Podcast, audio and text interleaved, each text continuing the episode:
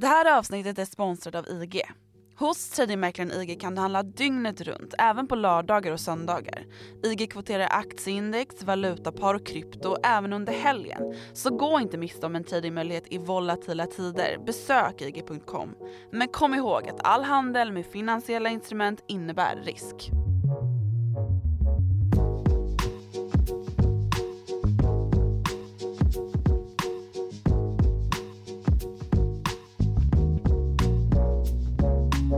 Veckorna efter överfallet på Ukraina under våren 2022 stod faktum klart för alla inblandade. Den rådande världshegemonin hade förändrats permanent i och med att Ryssland gjort verklighet av hotelserna om militärtekniska åtgärder för att göra anspråk på en maktsfär i Europa utanför landets egna gränser. Men till undsättning satte sig gräddan av världens demokratier till motvärn och den statskapitalistiska diktaturkolossens ekonomi puttades mot ruinens brant. I ett slag stod det klart att Kreml under rådande sanktionsregim tids nog skulle tvingas till förhandlingsbordet. Men skulle kvävningen av Ryssland vara tillräckligt snabb för att fasorna i Ukraina skulle upphöra innan Ukrainas försvarsförmågor imploderade och längs vägen på bekostnad av ytterligare tusentals oskyldiga civila? Och Kina som lurade i kulissen, vad tänkte de om västerlandets stryptag på Moskva? Det här är Follow the Money, en podcast om makt, storfinans och börsen av och med mig, programledare Martin Nilsson och utrikesredaktör Joakim Rönning som ser ganska pigg ut idag. Asså? Ja. Ja, kul. Varför? Jag har druckit kaffe precis, kanske det. Från min hemstad dessutom. Lövbergs? Ja, Hur smakar det? det var, det var faktiskt inte så gott. Nej, brukar det vara det? Landstingskaffe. Eh, jag vet inte. jag har ingen riktig sån referensram. Jag brukar inte dricka Löfbergs. Jag är ingen sån lokal patriot på det här sättet. Ah, Okej. Men nog om det. Idag ska vi prata rysk budget. Vi börjar på ekonomi direkt. Ja, för det har ju blivit eh, lite av en ledtråd till vart det här kriget kanske kan vara på väg. Mhm. Att Ryssland är på väg att bränna ut sig och det har ju gått dåligt för Ryssland. Men går det att räkna på Det redan nu? måste man ju kunna säga att det kan man, klart man kan göra det, även om det är väldigt preliminära, eller inte ens det kanske, Preliminärt preliminära siffror. primitiva Okej. beräkningar som man får göra. Det Så för... har man ju ändå någonting att utgå ifrån. Mm. Ryssland har ju statsfinanser som är offentliga. Vad, vad står det i dem då? Ja men och sen så kan man ju mäta dem mot då antaganden som görs om hur mycket kriget kostar Ryssland. Och då finns det konsultrapporter som har kommit ut där det hävdas att det ryska anfallskriget, alltså den invasionskrigföring som man har fört fram, ja men den första veckan i alla fall av invasionen i Ukraina. Den fasen så kostar kriget 20 miljarder dollar per dag. Och så finns det då siffror som man kan mäta, ställa det här emot då och det är ju de här budgetsiffrorna och framförallt då så läggs det ganska mycket fokus på Rysslands valutareserv. Mhm. Rysslands valutareserv uppgår till 630 miljarder dollar. Det här är ju en, en reserv som jag vet att det rapporterats om i flera år att de har ju köpt upp en stor del av guld. Ja precis, de har gjort sig riktigt tunga i guld vilket ju är en bra tillgång att sitta på när det börjar blåsa lite i världsekonomin. Mhm. Nu har det börjat blåsa rätt mycket i världsekonomin. Dels på grund av en eh, pandemi men också just mer aktuellt detta beslut som Ryssland fattade helt i linje då med att man har suttit och hamstrat guld här de senaste ja, 15 åren. Samtidigt då som man har rustat upp sin militärmakt och bantat sin statsskuld. För Ryssland har en väldigt, väldigt låg statsskuld i eh, globala termer. Det ligger på 20% ungefär och budgeten är dessutom i balans. Vad betyder det? Ja, det betyder väl att eh, utgifterna och, och inkomsterna är ungefär lika. De matchar ungefär, ja precis. Och det är då utifrån ett oljepris eftersom att Ryssland är så extremt beroende av sina oljeintäkter Mhm. baserat på ett visst pris på en tunna olja. Vad ligger den på? Den ligger på 45 dollar. Det är den, det är priset då som man har baserat för att eh, kunna uppnå budgetbalans. Så statsfinanserna går alltså plus minus noll om eh, oljepriset ligger på 45 dollar per fat. Jag tror det mäts mot Brent då, alltså Brent-olja, Nordsjöolja. Just det, för annars har man ju VTI-alternativet Det som finns ligger ju, lite det finns billigare. ju massa olika sådana där eh, som inte pratas om ens. Men ja, det finns ju olika priser på olika sorters olja och sådär. Och det här gäller då 45 dollar för ett fat Brent. Har du koll på vad den ligger på nu ungefär? Mm, jag vet att den ligger i alla fall över typ 125 dollar per fat, så Ja. långt över. Bra för den ryska budgetbalansen. Väldigt bra för den. Mm. Eh, Så Ryssland går ju plus och kan banta sin statsskuld ännu mer, allt annat lika, om det nu inte vore så att man går ut i krig, vilket man ju har gjort. Eh, Och det kriget kostar typ 20 miljarder dollar per dag. Mhm. Och då börjar man ju titta på vad har de i kassan, den så kallade krigskassan som ju nu har fått så mycket fokus då. Mhm.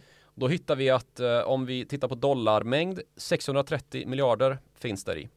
Och dollar är ju lätt att översätta till svenska kronor nu eftersom att det ligger typ på 10. Just det, Eh, så, en- så, En dollar kostar 10 kronor. så eh, 6 300 miljarder. Det, det uppdraget kastar du dig över att översätta. Ja, Ja, det är det jag tillför till den här podden. Ja. Matematiska Eh, beräkningar. men då, om vi tittar på svensk BNP då för att ha någon sorts benchmark som det brukar heta på managementspråk. Ja men då vet jag i alla fall att för några år sedan så låg det vi kring 4 500 miljarder Ja. per år. Precis, 4900 miljarder Mm. dollar tror jag det var förra året. Eller 2020 kanske. Ja, Mm. inte riktigt. Men där någonstans, strax under 5000 miljarder. Så den, den ryska reserven, alltså kassareserven, uppgår till mer än, eh, än den svenska BNPn då. Så då förstår man ju att de har en del att kriga med. Sparat i ladorna. Sen så hände något ganska intressant här på finansmarknaderna i förra veckan när Ryssland hade klivit in i Ukraina eh, om du minns, som vi pratade om i förra podden som eh, kallas för de här sanktionerna som Ja. det ju pratas om. Jag undrade vart Typ. du ville. Jag tänkte på att du skulle komma tillbaks till Bengt Dennis momentet att de höjde räntan till 20 procent. Ja, det var ju en konsekvens av det. Mm, okej. Men Eh, sanktionerna då? Stadigt utflöde av eh, kapital ur Ryssland har ju lett till eh, rubelkrasch. Och det är ju då orsakat av i stor utsträckning sanktioner från, från västerlandet, Ukrainas allierade. Och då kan man ju börja fundera på då hur mycket av den här valutareserven som man kanske borde förklara lite närmare snart. eh, hur mycket av den har nu skurits bort tillgång till från ryskt håll då eftersom att mycket av den ligger ju i utlandet. Den ligger inte i en skattkista inne i Kreml. Den ligger inte i en skattkista inne i Kreml. Den finns ju i utlandet i ganska så stor utsträckning. Det här är ju tillgångar i utländsk valuta och guld då. Det kan man ju ta som exempel att en av de största förevändningarna som man har antagit i analystexter de senaste veckorna har ju varit NATOs och eh, ja, men västerlandets horribla reträtt ifrån Afghanistan. Mhm. Som eh, enligt analytikerna då observerades av Vladimir Putin och som tog som ett kvitto på att titta på de här dårarna i väst. De har ju, vet ju inte liksom varken ut eller in vart de är på väg och de bara ägnat de senaste fem åren åt att, att bråka internt, Brexit, eh, Donald Trump och han var ju våran polare dessutom. Och nu är det snart val i Frankrike, Macron kanske inte får sitta kvar. Eh, ja men kaos. Boris Johnson har varit och festat under pandemin och eh, tappat all sin trovärdighet i det brittiska folkdjupet och sådär. Så nu kör vi. Nu rullar vi in i Ukraina och så kommer inte Europa och USA ha en aning om vad de ska göra. Så blir det ju inte riktigt. Nej, det blev ju mer av en, en enande faktor istället som vi gick igenom här. Ja, precis. Här- här- Sanktionerna träffade ju stenhårt mot Ryssland. Men vad Vladimir Putin lite grann missade då i det här kaoset som har varit i, i vår del av världen eh, de senaste åren var svaret på talibanernas återerövring av Afghanistan. Vilket då möttes med att accessen till hela den afghanska valutareserven skars av från eh, amerikanskt håll. Och det kunde man göra eftersom att den, den låg i USA, inte i Kabul eller någon annanstans i Afghanistan.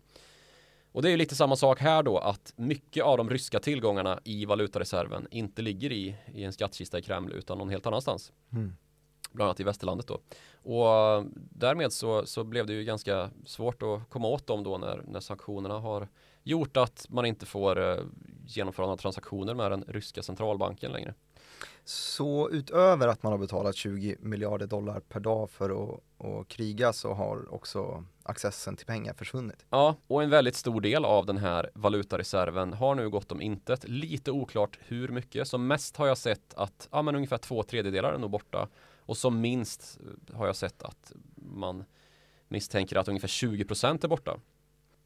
Så om vi räknar då i det här worst case scenariot då att två tredjedelar har skurits av från den ryska valutareserven, alltså som ligger på 630 miljarder dollar. Då kan de kriga i tio dagar typ. Ja, precis. Då är det ju 20 miljarder dollar mot 210 miljarder dollar som man har totalt då i att röra sig med. Det är ju drygt 10 dagar. Det är 10 och en halv dag. Men sen så har de fått in lite extra pengar också eftersom att oljepriset har varit högt. Ja, det stämmer. Skattkistan fylls ju på löpande, så är det. Men samtidigt så har vi problemet att de här ökade oljepriserna vi ser nu undan för undan här när eh, det kom ju en rejäl spik efter att eh, Anthony Blinken, USAs utrikesminister och en del källor inom EU hade uppgett då för eh, världens finansmedier att det pratas om att införa sanktioner även då på, på energisidan. Att EU och USA ska helt och hållet sluta handla några petroleumprodukter från Ryssland. Då sköt det ju fart ordentligt och stack upp med 25 procent eller någonting som, som mest um, under måndagen den 7 mars. Um, det är ju en uppgång som man kan säga blir svår för Ryssland att ta del av då när vi ser att allt färre av världens oljebolag är intresserade av att handla någon olja med, med Ryssland. Just det, så att det kanske inte, kalkylen kanske ändå inte riktigt går Nej, ihop. precis. Och vi har ju sett stort utflöde av världens liksom, mest tekniskt avancerade oljebolag då, alltså Shell, Equinor, Norge, eh, BP, Exxon Mobil har ju lämnat eh, Ryssland. Och de projekt då som man har varit engagerad i för att utvinna olja och dessutom då till ett, ett lägre pris eh, så att marginalen blir större. Så det blir svårare och svårare för Ryssland att faktiskt göra någon intjäning eh, från de oljereserver som man har. Men det är ju fortfarande inte omöjligt såklart. Det har ju kablats ut den här storyn om, eh, om Shell, alltså det nederländsk-brittiska oljebolaget som köpte rysk olja till rekordrabatt då för att det var ingen annan som ville köpa den. Alltså det fanns inga budgivare. Så köpte man den till rekordrabatt och sen så skänkte man över då mellanskillnaden mellan marknadspriset och eh, det man fick köpa den för från Ryssland som ukrainsk krishjälp då ska man också vara tydlig med att säga att det var ju först efter att eh, Ukrainas utrikesminister Dmitrij Kuleba var ute och sa Känner ni att det luktar lite blod om den här oljan Shell innan de ja, öppnade sina hjärtan? De har ju haft en del att tvätta ändå. Alltså det har ju varit både, vi har ju snackat sportswashing i något avsnitt ja. tidigare. Det här är ju greenwashing och så är det en del blodtvätt som också ska ja. fixas. De har ju Whitewashing kan man väl kalla det. Kanske så ja. De har ju varit delfinansierade av Nord Stream 2 också vill jag minnas. Ja, säkert. Ja. Uh, men i alla fall, sanktionerna biter ju inte minst då mot oljesektorn genom att de här bolagen lämnar och som första riktigt stora bolag som, som satt sig till motvärn från Ryssland, uh, Luke Oil, ett av de största oljebolagen ju, som sa att kom fram till en diplomatisk lösning. Det här är en tragedi för allt och alla involverade. Och det är klart att det finns en uh, affärsmässig aspekt av den vädjan som riktas till Kreml på ett väldigt ovanligt sätt i Ryssland. Det brukar ju bara vara ja, att man går på den totalitära linjens retorik och fogar sig efter det som sker. Är det inte precis det som, eh, som resten av världen hoppas på då? Just att försöka skapa någon rörelse utanför Kreml så att man kan få påverkan även inifrån landet. Jo, det är det såklart. Man vill ju se en demokratisk uh, utveckling i Ryssland en rörelse bort från den här korrupta statskapitalismen som råder i grova drag i oligark-Ryssland. Det är ju därför man visar ganska mycket stöd för personer som, eh, som vi kan vi komma in på dem lite senare men eh, först tänkte jag att vi skulle försöka gå igenom vad det här med statskapitalism är för någonting. Det som nu liksom har hamnat under rejält tryck från demokratiska krafter då. Och att det lite grann tycker jag har visat att demokratin är stark alltså. Eh, den kraften som samlas nu bakom de demokratiska ländernas världsordning har visat sig potent på ett sätt som jag inte tror att varken Ryssland eller Kina heller hade riktigt räknat med. Mm. Jag beviljar din önskan här att glida in på statskapitalism. Vad är det för någonting? Schysst. Nej, statskapitalism det är ju det som bolsjevikerna med Lenin i spetsen såg som någon sorts liksom övergångsfas där kapitalismen skulle liksom utplånas och så skulle den övergå i proletariatets diktatur som ju ja, var under en ledare där staten satt på alla produktionsmedlen och samlade ihop dem innan de sen skulle delas ut till folket då och den totala jämställdheten och rättvisan skulle uppstå. Mm. Ja, enkelt förklarat på det viset. Men när vi pratar om, om statskapitalism idag så är det ju kanske inte liksom Lenin som, som sitter i täten för den utan det är ju då en glidande skala där statskapitalism i den allra mest totalitära formen är just den teoretiska då. Och att den i andra änden av skalan då den totala icke-statskapitalismen, den totala öppna kapitalismen är någonstans där allt är privatiserat och staten inte äger någonting utan det bara är privata bolag som finns i den ekonomi som tjänar folket och eh, gör så i total konkurrens då. För det är ju en markant skillnad mellan statskapitalism och öppen kapitalism. Att statskapitalismen går ju inte riktigt att kalla för konkurrensdriven eftersom att staten sitter på den då. Och ja, det är knappt tillåtet med någon sorts konkurrens överhuvudtaget. Så det blir ju trögt liksom. Ehm, så idag när vi pratar om statskapitalism så är det ju fråga om då någon form av hybrid här på den här glidande skalan mellan total stängdhet och total öppenhet. Om man ska nämna några länder då som, som är liksom allra mest statskapitalistiska då är det väl ja, Nordkorea till exempel. Där finns inte så mycket privat ägande där. Det finns inte så mycket um, kapitaläskande läkemedelsforskningsbolag som aldrig kommer ha några intäkter utan det handlar om statliga bolag som fungerar som de myndigheter de är. Man är inte partner när man är delägare i arbetslägret. Nej, det är man inte. Um, sen så finns det ju kanske lite mer, upp, mer öppna ekonomier som Venezuela, ett gott exempel på en ekonomi som har skördat vissa framgångar förvisso, men som har gått ner sig i det ja, socialistiska träsket och blivit paria. Um, blivit en, ett modernt exempel på inflation också. Ja, precis. Det är ju ofta konsekvenserna man får ta då när man blir paria i världsekonomin, att ingen vill handla med en, man kan inte sälja någonting och i Venezuelas fall så är det ju olja. Venezuela är världens mest oljerika nation. Om man äter till reserver då, det som finns i landet under jordskorpan. Och där har vi väl också eh, ryskt intresse, eller hur? Ja, precis. Nämnda Luke Oil åkte ju dit och gjorde en jätteaffär med Venezuela och deras statliga oljebolag då, som heter Pedevsa som eh, är genomkorrupt och eh, trasigt um, och som nu inte heller kan föra ut några oljereserver på världsmarknaden eftersom att det är så mycket sanktioner mot bolaget. De försöker ju då komma runt sanktioner med hjälp av Lukoil men det går väl sådär. Ja, jag fattar. Och ja, Venezuela är ju det är inget kul land att vistas i. Um, Just för att den är någonstans på den här statskapitalistiska skalan. Ganska långt ut mot Lenin ligger man till.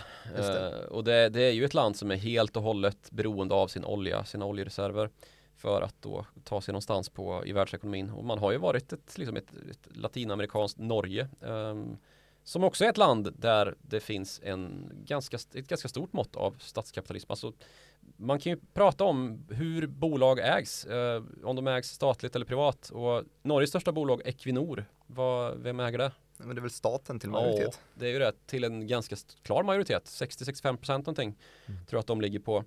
Eh, och så det kan ju funka, men det måste bygga på liksom ett demokratiskt fundament och en stark rättsstat. Och det saknas ju i de flesta länder som idkar någon form av statskapitalism. Och det, menar, det finns ju statligt ägda bolag i, i, Sverige också, i alla fall till någon del. Har du något bra exempel på Vi snackade om Systembolaget senast, men SAS är också ett dåligt exempel. Ja, nej, men SAS det, det, är ju ändå stort statligt ägande både från svenskt och danskt håll. Även tidigare Norge satt på en andel i, i, i SAS, men sen så blev den, ja, blev man storägare i Norwegian istället eftersom ja, just det. det går så jävla dåligt för dem så att man var tvungen att lösa ut en del uh, ja, så att de kunde få Olyckliga flyga vidare. aktieägare. Mm. Ja. Um, vi har Vattenfall, ett sånt exempel med ett stort statligt ägande. LKAB till exempel, um, ett sådant gruvbolag i norr. Mm. Så det finns, men i vissa länder så är det ju mer än andra. Och när ett lands ekonomi utgörs då till så extremt stor del av vissa få bolag så, så blir det ju något man kan kalla allt mer för statskapitalism. Och där landar ju Ryssland in ganska bra också. För i alla de här gigantiska bolagen som håller på med ja, den rovdrift som har gött Ryssland så är det ju fråga om väldigt stort statligt ägande. Både liksom i själva utvinningen och försäljningen och i liksom, servicen av att kunna sälja typ eh, att bankerna då ägs till stor del av staten också. Sen så är det klart att det finns eh, liksom privata, helt privata bolag också. Men mycket av dem har ju, har ju på något vis konfiskerats. Vi har ju ett perfekt exempel i Jokos, ett gammalt olje och gasbolag som Michail Khodorkovsky, den gamla oligarken, satt på. Han har vi pratat om förut och han har ju blivit lite grann av en oppositionsledare um, som vi ska ta upp lite snart här. Mm. Och det är ju problemet liksom, att eh, Rysslands rättsstat är ju inte byggt på ett demokratiskt fundament och bygger istället på att möjliggöra den här rovdriften, alltså att man styckar av landets naturresurser och skeppar iväg dem. Och den utsugning som möjliggörs då genom oligarkin och enade Ryssland som Vladimir Putins parti heter. Där man har genomfört hela den här utrensningen då av öppenhet och opposition och liksom raderat ut hela möjligheten till att skapa en stark rättsstat. Som bygger på, på rättvisa och ja, men, folkstyre. Och det finns ju ett till ganska så bra exempel på den typen av ekonomier som, som uh, vi kommer prata om en del, eller har anledning att prata om en del. Kina? Kina, ja, precis. Det är ju samma sak där. Till skillnad då från Ryssland så bygger ju deras moderna ekonomi väldigt mycket på en annan typ av utsugning eller vad ska jag säga kopiering och massproduktion. Men man saknar ju någon sorts liksom eh, raffinerad utveckling av världsklass. Det pratas ju alltid om att Kina har ju sitt eh, Silicon Valley under uppbyggnad och det har det pratats om i fråga om Ryssland också. Fast det har ju aldrig visat sig vara riktigt sant. I, i Kina så pratar man ju mycket om att de har så mycket teknik där ändå. De massproducerar ju världens teknik. Eh, att det ska finnas anledning att kalla Shenzhen, alltså hamnstaden Shenzhen för Kinas Silicon Valley och det gör det väl kanske eftersom att det är där den teknikutveckling som genomförs i Kina pågår men den är ju inte i närheten av Silicon Valley, alltså det utvecklingscentra som är världens absolut största eh, utanför San Francisco eh, kallas. Så förutsättningarna för att skapa ett, ett Silicon Valley finns där till mycket men man saknar kanske ja, just själva, själva, miljön för att kunna ha ett, ett eh, välfungerande konkurrensutsatt samhälle. Ja, det kan man säga. Alltså när det enda sättet att sko sig är att gå via korruption så stannar ju alldeles för mycket av uppfinningsrikedomen i den domänen. Där det liksom handlar om att nå så högt som möjligt i en statsapparat eller att med mest raffinerade maffiametoder nå så högt som möjligt inom näringslivet som just suger ut landet på dess rättmätiga egendomar genom staten dessutom ju. Då, det blir ju inget Silicon Valley av det. Det är ju inte så att man sitter och forskar fram några halvledare eller ja, chip på det viset utan det är ju den stora bristen i den här typen av diktatoriella statskapitalistiska system. Och det är ju något man har pratat sig till leda om att Kina är på väg att bli den nya modellen för vad världens utvecklingsländer kommer titta på när man ska ta nästa steg i sin utveckling. Ska vi vara som väst eller ska vi vara som Kina? Och det här är ju någonting som nu lite grann får bekänna färg då.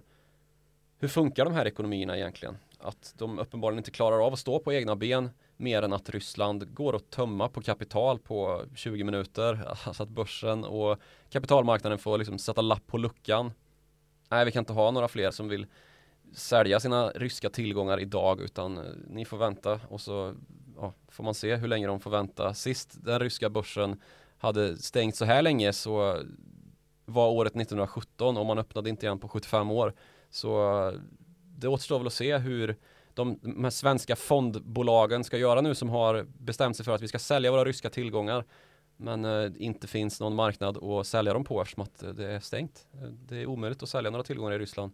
Och det är ju inte för inte som Rysslands kreditbetyg har rasat ner från skräp till superskräp. Och man inte i klartext då kan räkna med att få tillbaka sitt kapital om man har köpt ryska statsobligationer eller vad det nu handlar om. Mm. Att Ryssland helt enkelt inte har råd att och betala sina skulder till slut. Um, jag såg nyss en, en, analys från Morgan Stanley där man hävdar då att uh, Ryssland förmodligen kommer gå i konkurs, alltså inte kunna betala tillbaka då sina räntor och amorteringar på statsobligationer den 15 april. Och det är då efter att en respitperiod på 30 dagar löper ut där man har liksom 30 dagar på sig att göra rätt för sig. Eh, men man drar den slutsatsen att det, det kommer man inte kunna göra för eh, Ruben har krossats och framförallt då man har skuldpapper som är denominerade i en annan valuta så det blir ju till slut helt omöjligt när rubeln inte är värd någonting. Mm, och det är väl kanske det som krävs, tycker väl väst då helt enkelt, att man ska kunna trycka ner den här ekonomin till den grad att man kanske kan bygga upp någonting nytt igen med folkets ja, stöd. Alltså, jag vet inte om det är liksom bakgrundstanken. Det är klart att det, det är en önskvärd utveckling för de som tror på demokrati. Men det är också ett faktum att Ryssland tömmer skog och mark på råvaror utan att tillföra någonting eh, rent utvecklingsmässigt. Det är inte ett forsknings och utvecklingsland. Samma sak med Kina, de stulit ritningar i 30 år och massproducerat teknik utan att riktigt tillföra någonting. Förutom det är- hyperballistiska missiler. ja, precis. Med hjälp förmodligen då av teknik som, som kommer från väst.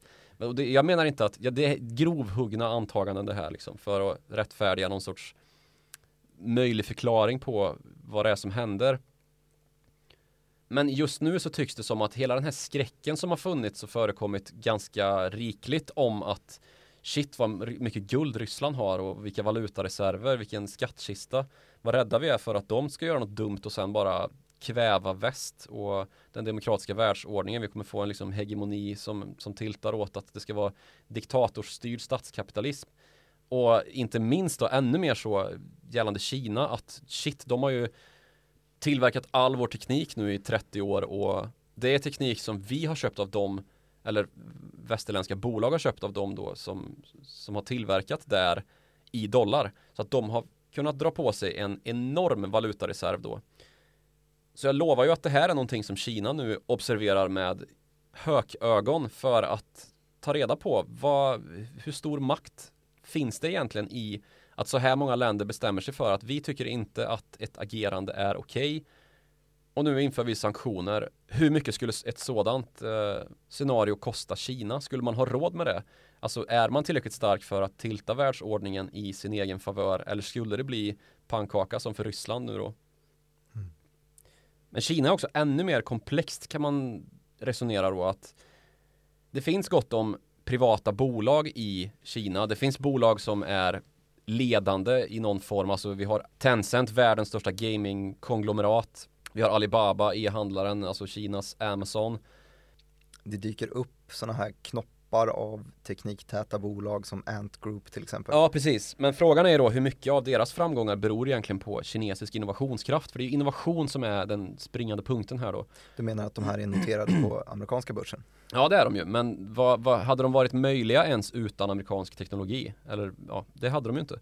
Eller Europas teknologi för den delen. Mycket av Alltså Europa var ju en ledande region vad det gäller halvledarutveckling fram till dess att man bara gav bort den i princip. Alltså det, det är ju någonting som har lyfts av jättemånga, både politiker och branschveteraner liksom att vi var jättenaiva när vi bara öppnade slussarna och skickade allt på offshoring till Kina för att det var så mycket billigare att tillverka där. Sen så slutade det med att allt blev snott och att det blev därmed, när det blev så konkurrensutsatt då på ett helt inverterat sätt av att det fanns kinesiska nästan gratis chip som innebar att västerländernas chipbolag inte längre kunde ta ut lika höga marginaler som man gjort tidigare. Då blev det inte lika mycket pengar kvar för att forska och då landade utvecklingen istället i länder där man kunde ha både och då att eh, ja men Taiwan, eh, TSMC och till viss del i USA som hade varit bättre på att skydda sin immaterialrätt då att inte då lägga all sin tillverkning i, i Asien på det sättet eller i vissa länder i Asien som, eh, som de europeiska chipbolagen gjorde. Men det, det talar ändå sitt tydliga språk att statskapitalismen då lever på den öppna kapitalismen. Man måste ha den öppna kapitalismen och den innovationskraft som kommer därifrån. Och därmed så lever man liksom på lånad tid. Precis på samma sätt som Jack Ma gjorde, alltså Alibabas grundare och eh, ordförande. Som ju, ja men greps gjorde han väl inte men han blev ju typ satt i husarrest eh, inne hemma hos eh, Xi Jinping, Kinas president och blev förhörd av alla myndigheter som fanns för att man tyckte att han hade varit lite för uppnosig och pratat ner Kinas banksystem och myndigheter på ett sätt som inte var acceptabelt i den kinesiska myndighetssfären då. Och så började man plötsligt att konfiskera tillgångar från Kinas miljardärer som sitter på de här techbolagen, bland annat då Tencent, Alibaba, Baidu och allt vad de heter.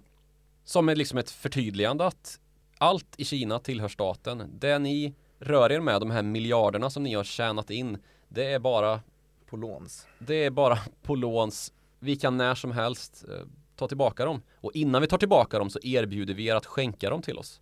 Så ni kan kalla det för en donation till bättre behövande. Typ det kinesiska folket och kommunistpartiet som ju har en dröm om att allt ska vara härligt och bra för alla. Så återigen då, statskapitalismen verkar det som är mycket mer beroende av den öppna kapitalismen än vad nog många har trott. Man har gått och blivit lite mer rädd för den här statskapitalistiska strukturen och diktatorsfasoner än vad man kanske borde vara för eh, framtidens ekonomiska utveckling och hegemoni, alltså vem som ska vara den stormakt som bestämmer över ja, men världens utveckling egentligen. Och det har ju varit USA genom att man har dollarn och genom att man är världens största och starkaste ekonomi. Mm. Om vi tar oss tillbaka igen till världen till ytan största land istället och pratar om deras eventuella återstart då efter att de har krigat i 30 dagar och får slut på pengar. Vad, eh, vad finns det för möjligheter? Fin du snackade om eh, Chodorkovskij förut, han var ju mm. en, en oppositionsprofil i alla fall. Ja, han blev det. Um, vad finns det för historiska punkter att luta sig mot där vad gäller ekonomier som har startat om? Hur många hundra år får jag på mig? du, du får tio. Nej, tio. Hundra kan jag väl få i alla fall? Hundra kan du få. Ja, det räcker inte. Men eh, vi går tillbaka till 1905 så, så, så var det ett, ett slående likt skeende som ledde till att Ryssland till slut fick ett nytt styre ju. Då pratar vi ryska revolutioner. En första 1905 det var efter att eh, Ryssland hade gått i krig med Japan och tänkte att det där skitlandet, som ju för övrigt är ett annat land som det har låtit på liknande vis om att shit, de har så mycket dollar där så att de kan ju helt plötsligt bara bestämma sig för att nu säljer vi allt och skrotar den amerikanska dollarns hegemoniska kraft och plötsligt så, så är det ett helt nytt spelfält vad det gäller eh, vem som ska sitta på den här världsmakten. Och då pratar vi ju liksom Japans 80-tal när man, när man for fram med tillverkning på ett sätt som Kina sedermera skulle komma att göra då. Fast det, det var ju utifrån ett fundament där Japan ju faktiskt var en demokratisk stat och hade de här fundamenten med rättsstat som, som Kina och, och Ryssland saknar ju. Men åter till 1905 då så hade tsar Nikolaj den andre bestämt sig för att eh, vi ska tvinga bort Japan från Manchuriet. Vi ska inte låta dem hålla på och härja och ens försöka ta några bördiga regioner i vad som idag är nordöstra Kina. Så som den stormakt man var så åkte man österut med armén och marinen och började föra krig mot ett Japan som man antog var svagt och som väl nog skulle kunna köras över på några dagar. Känns det igen eller? Ja, det, känns, det känns igen, absolut. Det är lite annan front bara. Rysslands sydöstra hörn. Det här är ju... Fanns det anspråk då på den här kinesiska bördiga marken eller vad, vad hade man för förhoppningar om det här? Ja, men det var Ryssland då. Uh, Port Arthur hette stället som han slogs, började slåss om. En uh, hamn då som ligger i bukten som är belägen väster om, om Koreahalvön. Där ligger Port Arthur. Och det slutade då med en, en kostsam förlust för Ryssland. Både i mantal och ekonomiskt. Hela den ryska marinkapaciteten i princip blev utslagen. Och man fick liksom lägga svansen mellan benen och fly. Och under tiden då så hade ju naturligtvis det ryska civilsamhället drabbats hårt då av den ekonomiska påfrestningen mm. samt då naturligtvis av manfall. Att det åkte ryska pojkar och män till fronten och, och dog i strider med japaner. Men det fanns inget Swift-system att stänga ut Det fanns det inte. De ekonomiska sanktionerna såg inte alls likadana ut då. Det fanns ju liksom inget, det fanns, fanns ju allianser över hela Europa eh, och ja, USA höll sig ganska långt utanför det här men det fanns ju allianser i Europa och det var ju inte allianser som vi känner igen dem idag utan det var ju liksom hipp som happ. Nu är vi vän med dem och det var ju också själva utgångspunkten för att det bröt ut ett storkrig 1914 men först då 1905 så, så ledde det alltså till en revolution som man lyckades slå ner då och man, då är det Nikolaj den andra vi pratar om. För han satt ju kvar vid makten ända till 1917 när den stora ryska revolutionen ägde rum då med februarirevolutionen och oktoberrevolutionen. När Lenin just kom på plats och, och tog makten med bolsjevikerna då. Och det gjorde ju han genom att färdas upp på tyske kejsar Wilhelms nota, ville stöta ut Ryssland ur första världskriget. Han tyckte de var jobbiga. Så satte sig Lenin då med sitt pack av bolsjeviker på ett eh, plomberat tåg som det kallas. Att eh, det var, han fick inte gå ut mm. och åkte upp till Sassnitz i Polen innan han eh, tog sig över till Trelleborg som ju fortfarande är en färjelinje som finns existerande och upp genom hela Sverige då till Haparanda där han eh, till slut kunde ta sig in i vad som då var Ryssland. Lång resa utan att få sträcka på benen. han var ju ute och rörde på sig här i Stockholm till exempel. Mm. Uh, var jag köpte en uh, kostym på pub. Jaha. Ja, pubvaruhuset. Uh, känd händelse. Och togs emot av lite svenska socialister och sådär. Men det här var då alltså den, den oppositionen som skulle komma och rädda och bygga upp Ryssland igen? Ja, Även rädda och från- rädda men ja, det blev ju de som välte tsar Nikolaj från makten och avrättade hela kejsarfamiljen på ett rätt makabert sätt. Men det är i alla fall en idag intressant händelse då som man kan spåra till flera andra situationer i världshistorien att när diktatorer går i krig så är det inte alltid det går så himla bra sen. Mm. Och Putin är inget annat än diktator idag i dagens Ryssland. Och nu har han av allt att döma ganska så enväldigt beslutat att nu ska jag gå in i Ryssland och det finns ju förklaringsmodeller som har att göra med den ryska interna strukturen i Kreml, att han är hotad utifrån den pyramid av oligarki som han har skapat och satt sig på toppen av, att det finns liksom krafter där inne som rör på sig och som nog inte egentligen är så sugna på att han ska styra på det sätt han styr. Men här tycker jag också man får vara lite försiktig med vad man drar för slutsatser då. Du tänker Lex Saddam Ja, Hussein eller Ja, typ, ja, Mubarak eller? precis. Mm. Eh, precis de två jag tänker på. Det bästa exemplet i närtid är väl just eh, Egypten då. Att man tänkte att ja, bara vi blir av med Mubarak då så, så kommer det bli mycket bättre. Hosni Mubarak som var diktator i Egypten i 30 år och som förlorade makten vid i arabiska våren och de protester som ägde rum då på Tahrirtorget i, i eh, Kairo ju. Han blev ju ersatt av en islamistregim under Mohammad Morsi som då är en medlem av eh, Muslimska brödraskapet, en islamistisk politisk rörelse. Så diktaturen har ju bara fortsatt. Um, nu mer under en man som heter Abdel Fattah al-Sisi. Som då genomförde en statskupp och, och avlägsnade Mohammed Morsi i uh, några år senare.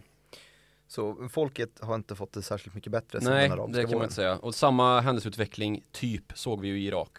Mm. Och det är ju folkgrupper som har slagits mot varandra, alltså Sunni mot Shia, som det, där det alltid har funnits en konflikt, där man då tar hämnd på andra sidan efter att ha varit förtryckt och så böljar det fram och tillbaka så här.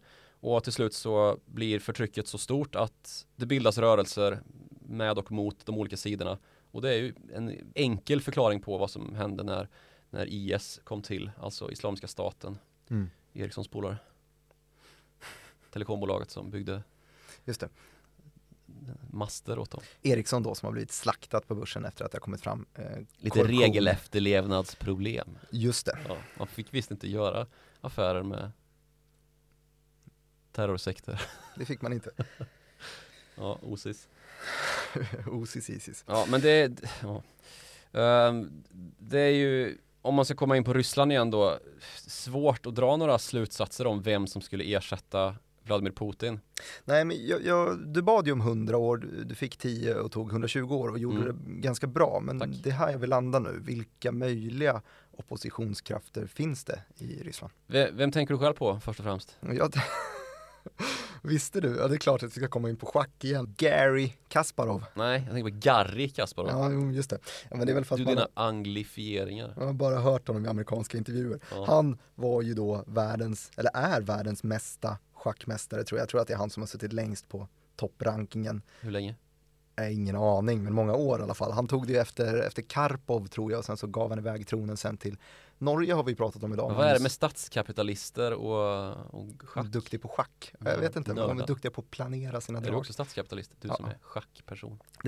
Ehm, gav sen tronen vidare till Magnus Carlsen ju, Ehm, men har själv inte varit aktiv i, i schack på många år utan när han gav upp det där, typ millennieskiftet kanske, så engagerade han ju sig väldigt mycket politiskt och, och grundade någon form av mot Putin för demokrati typ av parti eh, istället. Kandiderade sen i, i Rysslands valet typ 2008 kanske eh, i samband med Georgien då.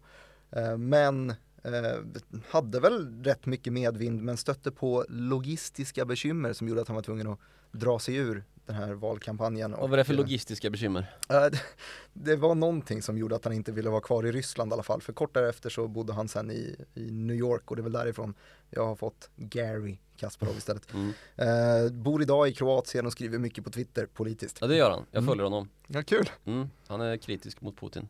Ja, jo men det är han ju Ja. fortfarande. Men han är väl ändå inte så fruktansvärt aktiv i oppositionsledet. Jag Nej. hoppas att det finns någon starkare lysare, lysande stjärna. Ja, han var ju ändå en ganska framskjuten person i den rörelse som den före detta vice premiärministern Boris Nemtsov startade och, och drev för att göra Ryssland till ett mer demokratiskt samhälle då från det att muren föll och Sovjetunionen imploderade. Mm.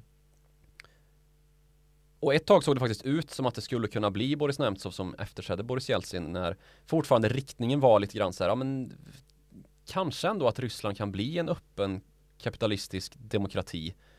Men det hela följer åt istället i händerna på Vladimir Putin och därefter så har ju de varit dödsfiender i princip.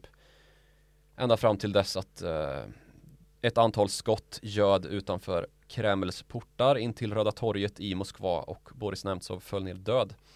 Så han blev ju alltså mördad år 2015 som den stora oppositionsledaren i Ryssland. Mm. Och han var alltså i tät samverkan med eh, Gary Kasparov, eller Gary. Ja, båda funkar, bara man säger Kasparov. Ja, ehm, men idag så tänker man ju kanske mest på en annan figur när man pratar om eh, opposition i Ryssland. Journalisten med ständiga poloniumbekymmer. Men är han journalist verkligen? Jag vet inte, men Det är inte Navalny, plonium heller, det är Novichok. Novichoker, just det. Nykomlingen betyder det på, på rys ryska. Ah. Trots att det är ett gift som väl typ uppfanns på 50-talet. Då var det nykomling. Okej. Det är lite som den evige talangen. Mm. Lite som du är. Vad Ja. skrattar du nu? Nej, vem är det vi pratar om? Eh, Navalny. Alexej Navalny, ja precis. Vad vet du om honom? Jag vet att han sitter fängslad. Ja, det gör han. Vad är din, vad är din uppfattning om Alexej Navalny? Han sitter fängslad, Han sitter fängslad och han eh, har... oppositionell i Ryssland. Pl- Pluspoäng, pluspoäng bara där liksom. Ja men skönt. Men vad vet du om honom? Nej men ingenting. Nej. Ja, men om vi ska ta och gå igenom eh, Alexej Navalny då så är ju han en person som har blivit väldigt känd genom sociala medier. Han är en youtuber. Mm. Ehm, och dessförinnan så var han ju politiskt aktiv. Han är universitetsutbildad, vältalig och efter Boris Nemtsovs död så har ju han kommit att bli den ledande oppositionsfiguren i Ryssland, no doubt. Det har ju verkligen blivit på det här viset.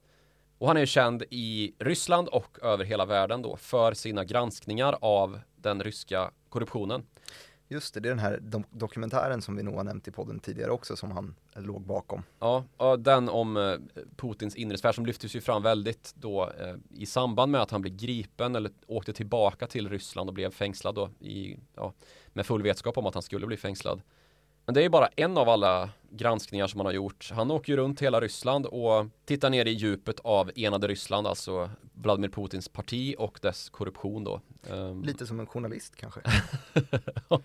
Visst, men han är inte journalist, han är ekonom. Just det. Och det var så han började sin karriär som en aktivist. En aktivistinvesterare fast på ett annat sätt än vad Christer Gardell är. Mm. Alltså som ett sätt att få någon sorts förändring och insyn i de här bolagen så köpte han aktier i VTB Bank är väl det mest kända fallet då att han öppnade locket på deras eh, korruption och så försökte han få någon, någon sorts förändring till stånd då genom att vara ägare i bolaget och föra in olika propositioner på deras eh, årsstämmor och sådär.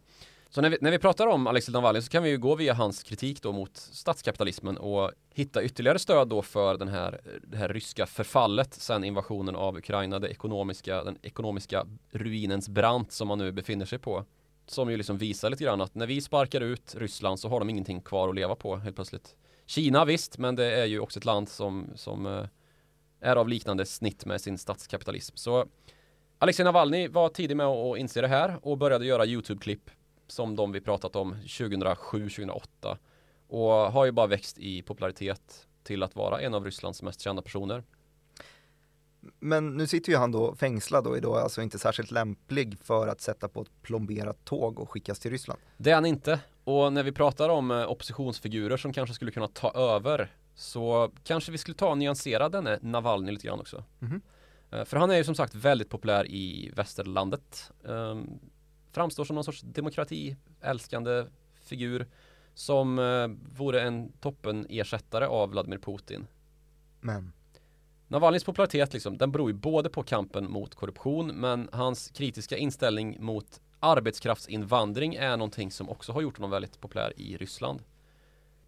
För han gillar inte immigration och har bland annat då, vilket få av oss vet, ställt sig bakom eh, invasionen av Georgien 2008 och eh, etter värre, om man nu ska se i realtid, bakom invasionen av Krim.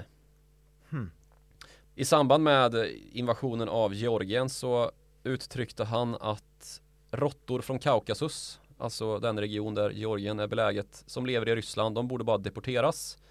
Och han har tydliggjort sitt ställningstagande i fråga om Krim med vadå invasion? Det är vårt. Sen har han ju vissa andra åsikter som är mer i linje med vad som uttrycks i moderna väst.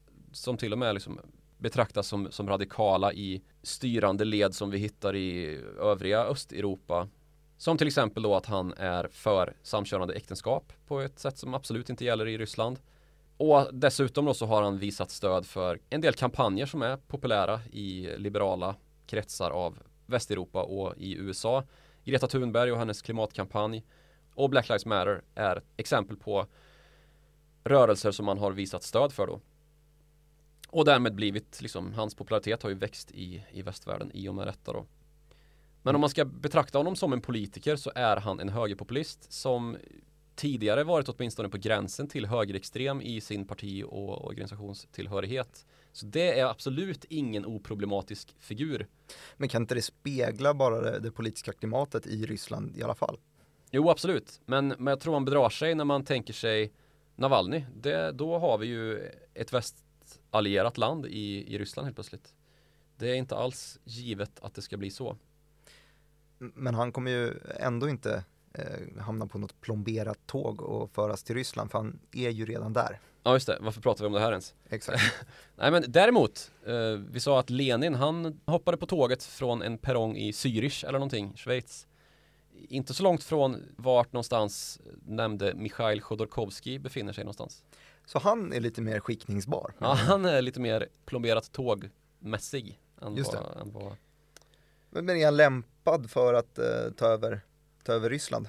Alltså han var ju absolut den ledande oppositionsfiguren mot Putin och lite grann en Navalny innan Navalny i att försöka belysa den ryska korruptionen då i samband med att han blev av med sitt olje och gasbolag som den oligark han är som ju också nyttjade det här hyperkapitalistiska experimentet som, som, som Ryssland genomgick då med chockterapin under första delen av 1990-talet. Det låter som en, en man som fallit offer för statskapitalismen. Ja, det är det definitivt eh, kan man väl säga. Men som också har utnyttjat övergången från statskapitalism till något liberalare som aldrig blev så värst liberalt på ett rätt ja, tvivelaktigt sätt. Men faktum är att han redan har utmanat Vladimir Putin en gång. 2004 ställde han upp i valet och det gick så långt som att han till och med diskuterade handelsavtal med USA och Kina innan han ens var president och det sågs ju inte med blida ögon naturligtvis. Han var den rikaste personen i Ryssland och det faktum att han sågs som ett hot mot Putin har ju tagits som en sanning för att det hela var liksom ett politiskt illdåd då mot en konkurrent som var själva anledningen till att han blev gripen och kastad i sibiriskt fängelse under åtta år innan han fick eh, fly till, till eh, Europa då. Men jag vet inte riktigt, han har, han har ju varit ganska så medial här på sistone naturligtvis eh, sen invasionen inleddes eller till och med innan och hävdat att det här är slutet på Putins, eller början på slutet i alla fall, på Putins regenttid. Men det har inte riktigt framgått att han är sugen på att ta över. Han är i och för sig bara 58 år men han har klivit av från poster i Öppna Ryssland som hans stiftelse heter. Och det är då en stiftelse som verkar för att, att Ryssland ska kunna moderniseras och, och demokratiseras vad det lider. Men vad gäller kändisskap och tillgänglighet i händelse av en revolution eller ett störtande av Putin-regeringen så absolut, det skulle kunna hända att han får revanschlusta nog och bege sig till Moskva. Men ett mer sannolikt alternativ som väl lyfts fram i eh, lite mer vardagliga sammanhang är ju att det blir en ny regent som, som är betydligt närmare Vladimir Putin, alltså någon av ministrarna och då finns det väl en del som hävdar att eh, Sergej Shoigu, alltså försvarsministern, är ett sådant namn som skulle kunna Men han går samma politiska bana som Putin. Ja, och han är dessutom under eh, ganska tuffa sanktioner så då blir det ju definitivt liksom status quo i fråga om relationerna mellan, mellan väst och Ryssland. Han är ju oerhört västfientlig och har stått helt bakom att liksom utpressa väst då på det sätt som Vladimir Putin har valt att göra med starta krig i eh, olika länder, bidra till att det sätts igång flyktingströmmar genom att bomba Syrien tillbaka till stenåldern och genomföra massiva desinformationskampanjer i Europa samtidigt som man finansierar högerpopulistiska partier och skapar en högst tragisk samtid för de demokratiska länderna och deras medborgare. Svaga alternativ till revolution då? ja, det får man väl säga. Eh, hellre Chodorkovskij är det nog många i väst som tycker i alla fall. Mm. Du, vi började ju i änden Ryssland och deras ekonomiska förutsättningar för det här kriget. Men om vi vänder oss till, till Europa istället då, hur ser det ut där? Ja, det är ju kämpigt måste man ju säga. Men långt ifrån lika kämpigt som det är i Ryssland. Och det är ju lite grann det här det kommer ner till. Hur länge ska Europa palla med att Ryssland kostar välfärd här? Um, och det är ju en knäpp fråga egentligen. Det är ju alltså krig eller lågkonjunktur, vad, vad kostar minst? Mm. Det är ju lågkonjunktur naturligtvis. Um, och alternativet då att vi skulle sluta med sanktioner, typ gå till militärt angrepp eller bara låta Ryssland hållas. Inget av de alternativen är ju särskilt bra. Så jag tror nog att Europas valda linje kommer fortsätta vara sanktioner och att om det skulle leda till att Ukraina pallar med att hålla emot, eh, alltså med hjälp av då finansiellt, militärt och moraliskt stöd från väst, så kanske det här blir ett väldigt utdraget förlopp. Jag tror inte på att det kommer bli ett sånt här Afghanistan eller Vietnam scenario där, där Ukraina lämnas till sitt eget öde och får kämpa i rebellformation liksom i tio år innan kriget når sin ände med att eh, Ryssland flyr hem och att regimen imploderar liksom. Men det finns väl skäl att tro att konflikten i alla fall blir så lång att det blir kämpigt för Europa att hålla sig så långt undan ryska energiexporten som det bara går. Att energipriserna fortsätter skjuta i höjden. Att vi får se lågkonjunktur då vad det lider.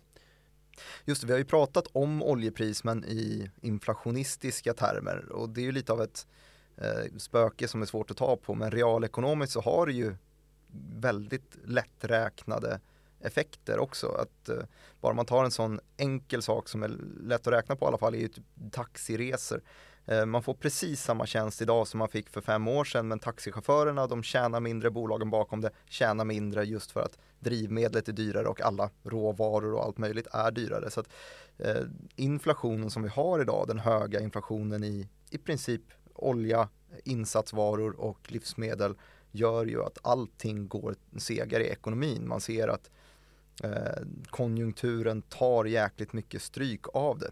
Mm. Och precis så formulerade Torbjörn Isaksson det. Han är chefsanalytiker på Nordea. Jag intervjuade honom i, i morse. Han lyfte precis eh, de här sakerna, att det finns realekonomiska implikationer bakom det. Men han slog oss på, på fingrarna på en sak i alla fall. Vi har nämnt det här med eh, stagflationsscenariot, alltså scenariot där man har en hög inflation och samtidigt då den låga tillväxten och så vet inte riktigt centralbankerna vad man ska agera på? Ska man försöka höja räntorna, trycka ner inflationen på bekostnad av tillväxt eller ska man försöka göra vice versa? Elda på ekonomin men låta inflationen skena. Han sa att jag tycker inte om att använda ordet stagflation här överhuvudtaget för att det handlar om att man har en dåligt fungerande ekonomi och att det under lång tid genererar hög inflation samtidigt som tillväxten är svag. Alltså han menade att det vi ser nu är en temporär utbudschock som väl kan ge samma symptom eller liknande symptom som stagflation under en tid men har inte samma strukturproblem i grunden. Och jag kan väl dela den bilden men det beror väl på hur länge det här kriget fortsätter. Ja, precis. Och sen så vill jag liksom tillägga det att det är skitjobbigt med lågkonjunktur och när vi nu har fått den här målsättningen presenterad att Europa, eller EU då är det ju fråga om, ska banta sitt beroende av um, rysk energi med 80 procent det närmaste året så låter ju det helt overkligt nästan. Det kommer ju kosta. Men någonting man bör väga in då i den modell som politiker måste springa efter nu för att motivera att vi faktiskt måste göra det här på bekostnad då av en del andra viktiga satsningar. Alltså vi har mitt i en klimatkris som också ska hanteras och Visst, vi har jättehöga drivmedelsskatter i Sverige, men det är ju onekligen ett steg i fel riktning att börja avveckla modeller som är till för att göra energisystemet mer grönt. Nu kommer det istället behöva satsas på att utveckla gas och oljetillgångar så långt det går i Europa och allierade länder. Alltså Norge till exempel är ju, kommer ju få ett inflöde av kapital nu så det heter duga. När man ska ersätta, ersätta Ryssland ur energisystemet så här snabbt. Men om det här lyckas så kommer det också leda till att Putins kampanj mot Europa, att göra kaos i Europa och, och USA också naturligtvis, kommer bli mycket svårare för honom att se något resultat av. Och då är ju Putins kampanj som jag pratar om just det här som Shoigu har ställt sig bakom hans försvarsminister. Att det är helt uppenbart liksom att konflikter eskaleras där de kan skada Europa som allra mest. Alltså där det kan skapa flyktingströmmar och man eldar på politiska händelseutvecklingar. Man manipulerar det amerikanska valet via republikanerna om man är en nagel i ögat på den här demokratiska världsordningen som man går en kamp mot som nu har blivit fysiskt väpnad då i Ukraina.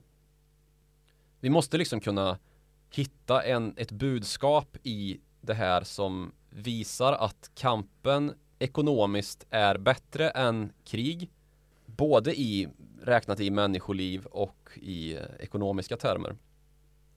Och om vi dessutom kan stänga ner den här kampanjen som Vladimir Putin har initierat då att i princip oupphörligt skada den demokrati och den innovationsmotor som vår typ av kapitalism är då kommer det vara värt det.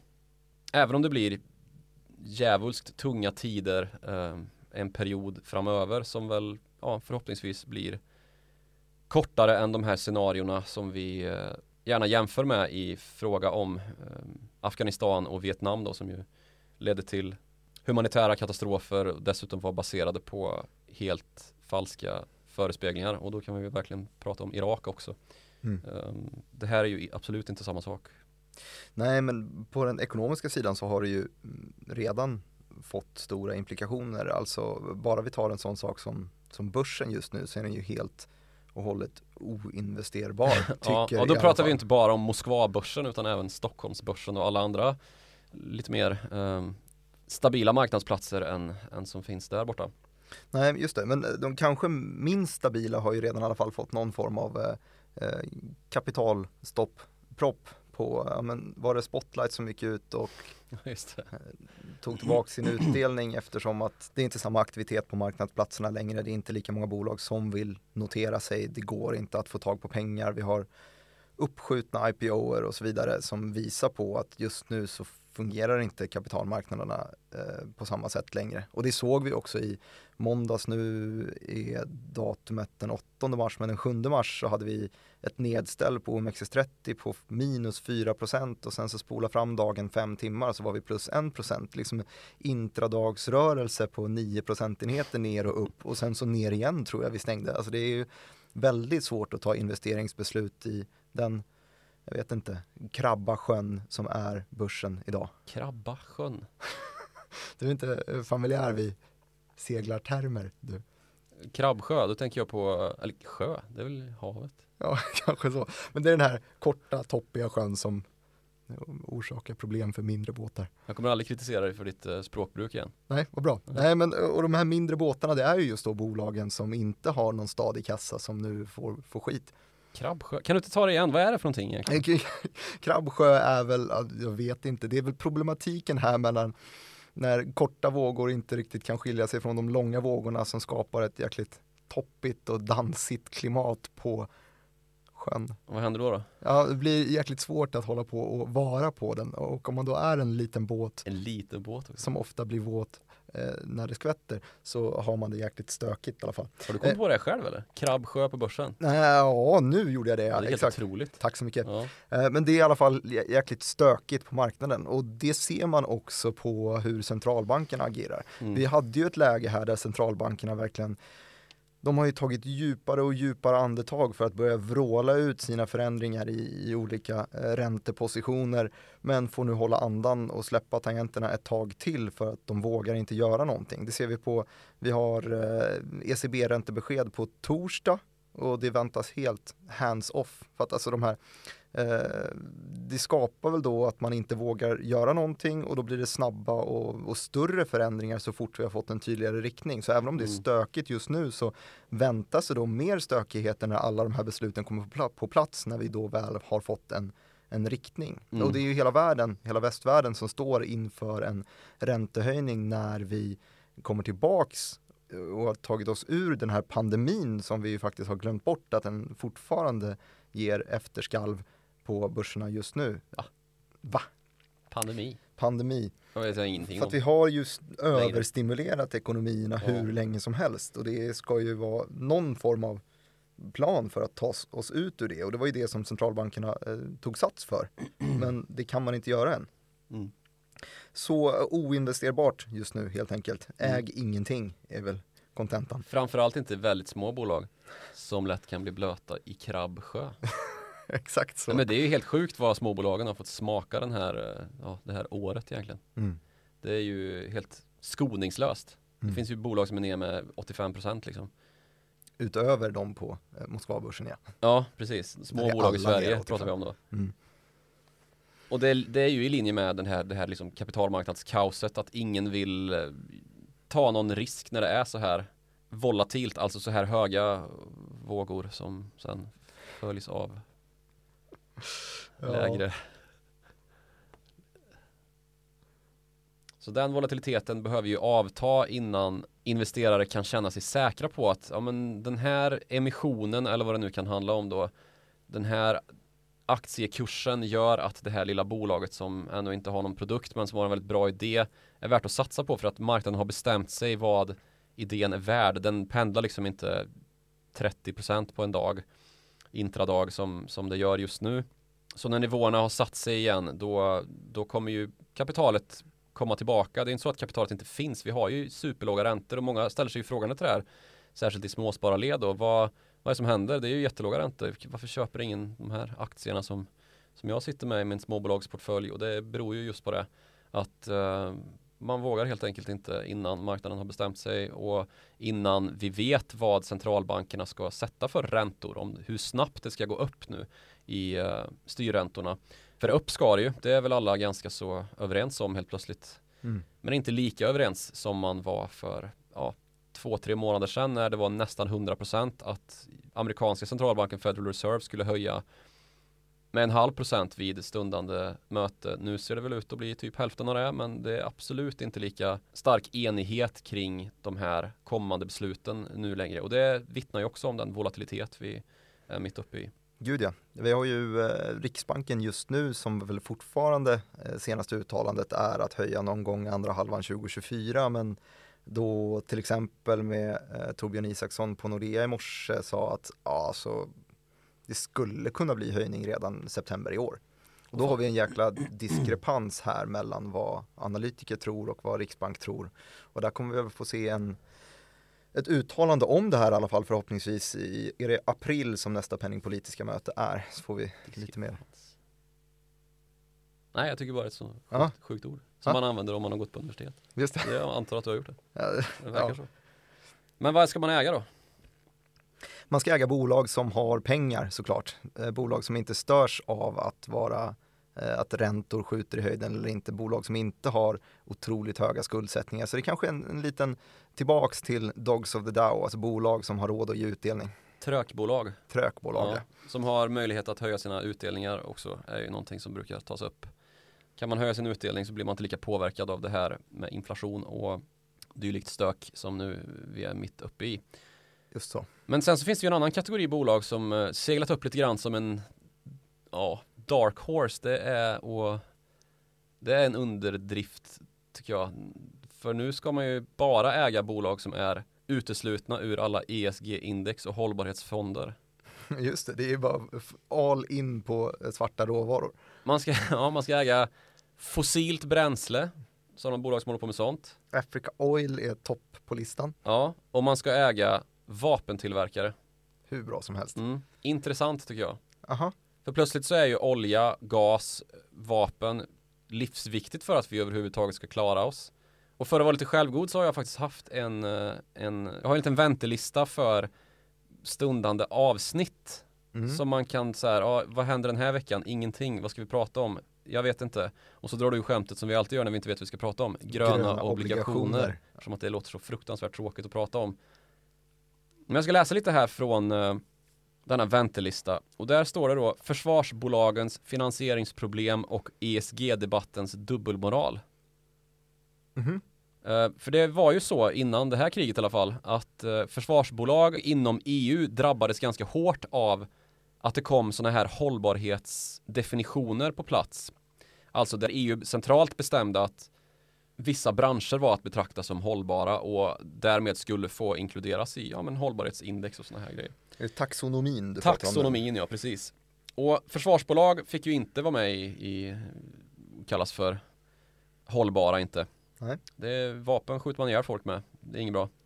Det finns ju en liten märklig konsekvens av det. Som är att vapen också kan användas för att försvara demokratin. Alltså det som vilar till grund för att vi överhuvudtaget har ett folkstyre, ett EU och kan sitta och försöka enas om vad som är hållbart och inte överhuvudtaget. Ja, idag är ju Lundin Energy och eh, Saab demokratins största försvarare och det Ja, bästa bettet i det långsiktiga hållbarhetscaset. Ja, och, och för, för att påminna oss så, så kommer ju nu EU-länder att behöva investera i de här bolagen som man har kastat ut ur hållbarhetsindex just för att kunna ersätta den energi som vi idag eh, importerar från demokratins fiende som är den eh, ryska regimen. Det är alltså en, eh, en debatt som vi var lite grann på väg mot men som vi inte hann avverka innan, innan det här hände och allting plötsligt på en femöring lika stor som den Tysklands förbundskansler Olaf Scholz befann sig på när han gjorde en piruett i 180 grader. Nej, det kanske inte är en piruett då, men han vände i alla fall på en femöring och gjorde Tyskland till ett eh, upprustande land helt plötsligt som skulle bli ja, men, eh, Europas största militärmakt helt plötsligt från att ha varit pacificerat i 80 år som vi pratade om i förra avsnittet. Världshegemonin förändras. Ja, precis. Och det är ju ytterst intressant då att vi har problemet samtidigt då med klimat och att vi måste investera i fossilkällor, fossila energikällor nu för att kunna ersätta Rysslands gas och eh, olja. Och jag säger ju inte att vi bara kommer göra det. Ehm, det kommer ju naturligtvis ledas in massvis med kapital också i gröna energikällor för att kunna ersätta den klimatfarliga energi som vi köper från Ryssland. Men det kommer samtidigt eh, behövas eh, de här investeringarna i, i olja och gas på mark som tillhör länder som är allierade till EU, alltså demokratier. Och det är ju också länder som i högst utsträckning av alla efterlyser gröna energislag. Så nu hamnar vi mitt i en dubbelmoral här och det tycker jag är, bör man prata lite om. Nu har vi Mm. gjort det. Och vill man prata lite grann om oss eller med oss så gör man det lättast på Helst med, inte, prata inte om oss när ni pratar med oss. Man kan väl prata om oss och sätta oss på CC i så fall på followthemoney@direkt.se. På Twitter så heter vi ju snabel Joakim Ronning respektive snabel direkt Martin. Tack så mycket för att ni har hängt med och lyssnat på oss. Skriv gärna en recension. Klicka tumme upp där det går. Mm. Och så Skriv. Krabbsjö. Ja, gör det för ordets Här fortlevnad. är Krabbsjö. Krabbsjö på börsen. Vi hörs igen om en vecka. Ha det så fint. Hej.